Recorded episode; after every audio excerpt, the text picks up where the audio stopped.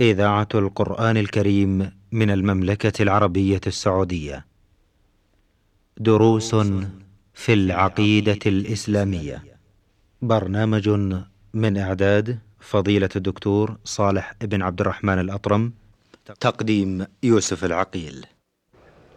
بسم الله الرحمن الرحيم الحمد لله والصلاة والسلام على خير خلق الله محمد بن عبد الله وعلى آله وصحبه أجمعين وبعد إخوتنا المستمعين الكرام السلام عليكم ورحمة الله وبركاته ومرحبا بكم في لقاء جديد من برنامج دروس في العقيدة والذي نستضيف فيه فضيلة الشيخ صالح بن عبد الرحمن الأطرم عضو هيئة كبار العلماء. مرحبا بكم فضيلة الشيخ. حياكم الله ووفق الله الجميع لما يحبه ويرضاه.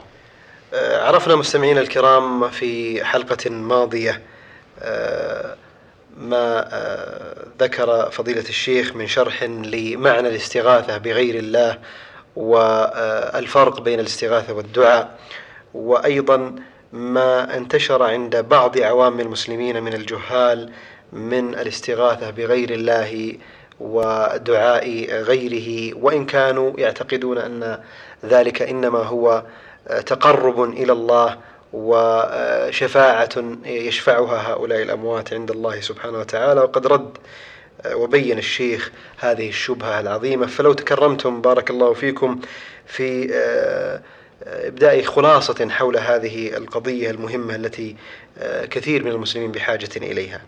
بسم الله الرحمن الرحيم. الحمد لله. والصلاة والسلام على نبينا محمد وعلى آله وصحبه أجمعين. اللهم صل وسلم.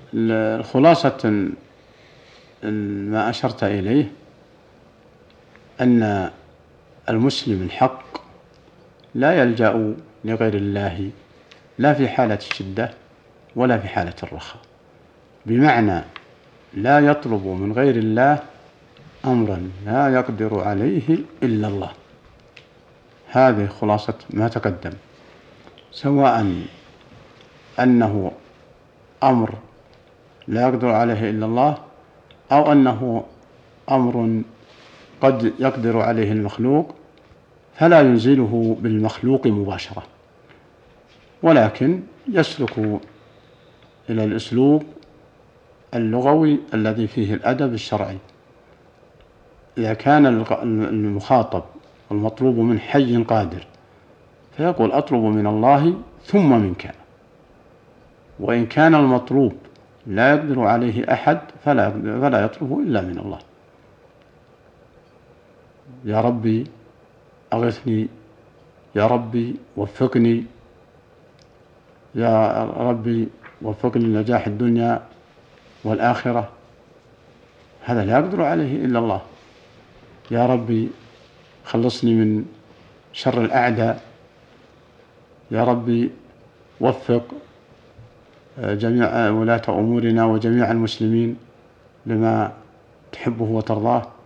هذا دعاء لا يصلح إلا لله. لا يصلح يطلب من غيره. والاستغاثة تشعر أنها في حالة الكرب وحالة الشدة. والدعاء قد يحصل في حالة الكرب وحالة الشدة وفي حالة الرخاء. هذه خلاصة ما تقدم في الترجمة. نعم, نعم. بارك الله فيكم. في ثمة عبارة لشيخ الإسلام ابن القيم رحمة الله تعالى عليه يقول ومن أنواعه يعني الشرك. نعم. طلب الحوائج من الموتى. نعم. والاستغاثة بهم.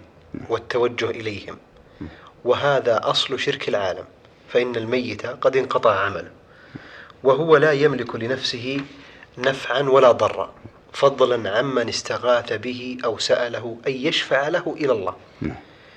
يا شيخ شبهة آه، شفاعة الميت نعم. لمن يدعوه أو يستغيث به آه، الرد عليها وبيانها وتوضيحها لبعض من التبس الأمر عليه في هذا فضل وأبعد وأنجى أولا أن ابن القيم رحمة الله عليه وسائر العلماء يشير إلى ما وقع من من جهلة المسلمين. من الجهلة لا من اللسان الفاهم الفهم الصحيح. فمن جهلهم أن أن يطلبوا من الميت حوائجهم أو الشفاعة منه عند الله لحاجتهم. وأي جهل أكبر من هذا الجهل؟ وأي جهل أعظم من هذا الجهل؟ لأنه ميت وأصبحت عظامه رميم وتحت التراب ثم يطلب منه هذا الطلب.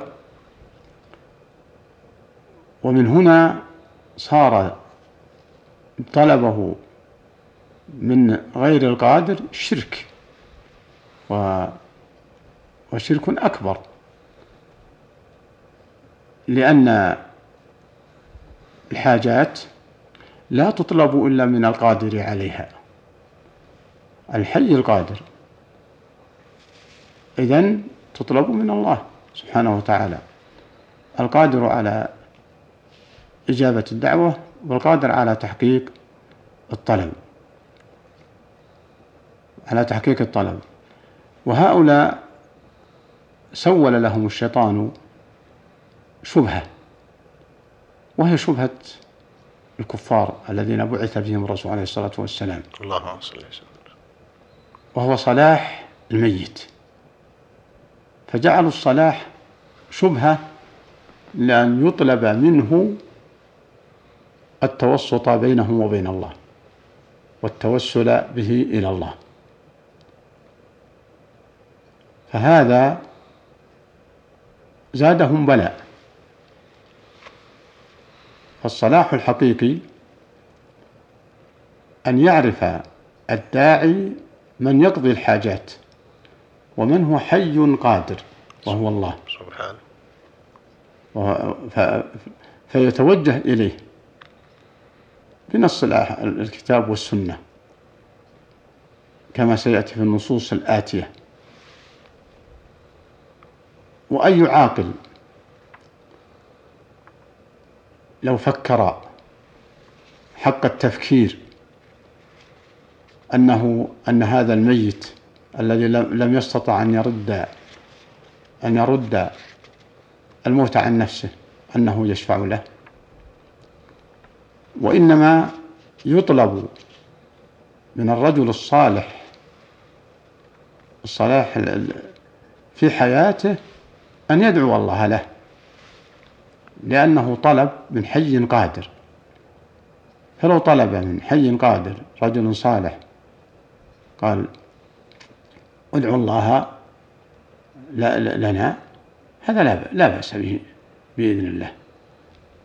ما لم يتعلق به فإن كان تعلقه بهذا الرجل وأنه الذي سينفعه أو يضره فهذا كما لو طلبه من ميت. أما الميت فلا يصح أن يطلب منه. مطلقا. لا أساس أنه يطلب أنه ينفع بنفسه ولا أساس أنه واسطة. ولهذا جاء القرآن في إبطال هذه الشبهة. بقوله والذين اتخذوا من دونه أولياء ما نعبدهم؟ هذا كلام العابدين. ما إحنا بنعبدهم من دون الله. الله هو المعبود يقولون. لكن فليتأمل العاقل ما نعبدهم إلا ليقربونا إلى الله زلفى. هذا قول المشركين. هذا قول المشركين. لا قول المشركين في في الشرع. نص القرآن والسنة لأن المطلوب من التوجه إلى الله مباشرة. هم يأتون بهذه الشبهة الشيطانية. ما نعبدهم إلا ليقربونا إلى الله زلفى. وفي الآية الأخرى ويعبدون من دون الله ما لا يضرهم ولا ينفعهم. يعرفون أنه لا يضرهم ويعرفون أنه لا ينفعهم. لكن وش يقولون؟ ويقولون هؤلاء شفعاؤنا عند الله. فهم يعرفون ما بيد... لا ليس بأيديهم حول ولا قوة. وإنما يزلون بهم أنهم يشفعون وأنهم يتوسطون بينه وبين الله. والله سبحانه وتعالى أبطل هذا بنص الكتاب ونص السنة. فليتق الله من تسمى بالإسلام وليتأمل معنى لا إله إلا الله أي لا مألوه ولا متعلق إلا الله. ف وهذه النقطة آه، لا نستكثر لو تكررت. سواء عندي أو عند غيري لأنها هي شبهة الجاهلية التي بعث بهم الرسول عليه الصلاة والسلام. الكفار المشركين الذين عبدوا غير الله من الأصنام والأوثان ما الله بعليم ومع ذلك لم يعتقدوا أنهم يخلقون أو يرزقون وإنما وإنما أبدوا ما يعتقدونه لما جاء الرسول عليه الصلاة والسلام وقال قولوا لا إله إلا الله. فعرفوا أن هذا أن لا إله إلا الله تبطل توجههم بما يتوسطون به. وعاب الله عليهم ذلك. فليتق الله من يتسمى بالإسلام وليتوجه إلى الله. وليتوجه إلى الله. وليطلب من الرجل الصالح إذا إذا أراد وهو قادر الحاجة التي يقدر عليها. في حال حياته. في حال حياته هذا الشرط. وبهذا التعبير أطلب من الله ثم منك. حتى لو قال أطلب من الله ومنك هذا تعبير مرفوض لأنه سوى درجة المخلوق بدرجة بالله. ولا ولا درجة لمخلوق في درجة الله. فليتق الله من تسمى بالإسلام. من تسمى بالإسلام. وليتصور حالة أو جواب المشركين للرسول عليه الصلاة والسلام لما أمرهم بعبادة الله فأرادوا أن يدافعوا عن عبادتهم الأشجار والأحجار والصالحين ما نعبدهم إلا ليقربونا إلى الله زلفى. فأبطل الله هذه الشبهة. فنزلت الآيات المتكررات اعبدوا الله اعبدوا الله. وجاءت هذه الكلمة المملوءة التي يدخل في معناها جميع الكائنات لا إله إلا الله. فليتأمل المسلم. نعم. بارك الله فيكم فضيلة الشيخ. آه، الوقت الحقيقة يدركنا الآن. نعم. ونود في ختام هذه الحلقة آه، إلماحة سريعة آه، حول بعض العبارات التي يتفوه بها ويتلفظ بها بعض المسلمين.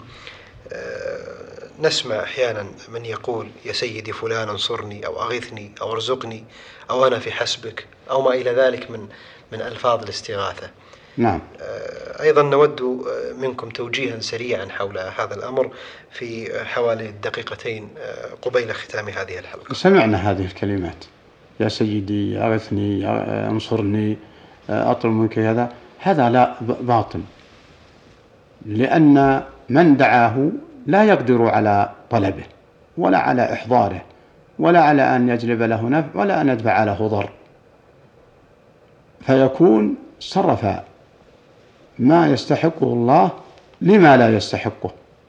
فكان هذا شرك. وتقدم بأكثر من عبارة لي ولغيري من العلماء أن الطلب من الحي القادر له أسلوب وجائز في أسلوبه الشرعي. الحي القادر أطلب من الله ثم منك. لا أعطني هذا الشيء أسقني الماء أسقني وهو قادر. أما أن يأتي بهذا الأسلوب أسلوب الذل والخضوع لأموات أو غائبين. أو غائبين هذا هو عين الشرك بنفسه وهو عين وحقيقة ما عابه الله على المشركين الذين دعاهم الرسول عليه الصلاة والسلام إلى عبد الله وحده ونهاهم عن عبادة الصالحين والأصنام والأوثان وأجابوه بقولهم ما نعبدهم إلا ليقربونا إلى الله زلفى. نعم. بارك الله فيكم. نسأل الله عز وجل أن يصلح عقائد المسلمين وأن ينفعنا بما سمعنا وبما قلنا. إنه سميع مجيب. في ختام هذه الحلقة لا يسعني إلا أن أتقدم لكم بالشكر الجزيل فضيلة الشيخ. آه، لنا لقاء بإذن الله تعالى متجدد في الأسبوع القادم. حتى ذلكم الحين مستمعين الكرام نستودعكم الله. والسلام عليكم ورحمة الله وبركاته. دروس في العقيدة الإسلامية. برنامج من إعداد فضيلة الدكتور صالح بن عبد الرحمن الأطرم. تقديم يوسف العقيل.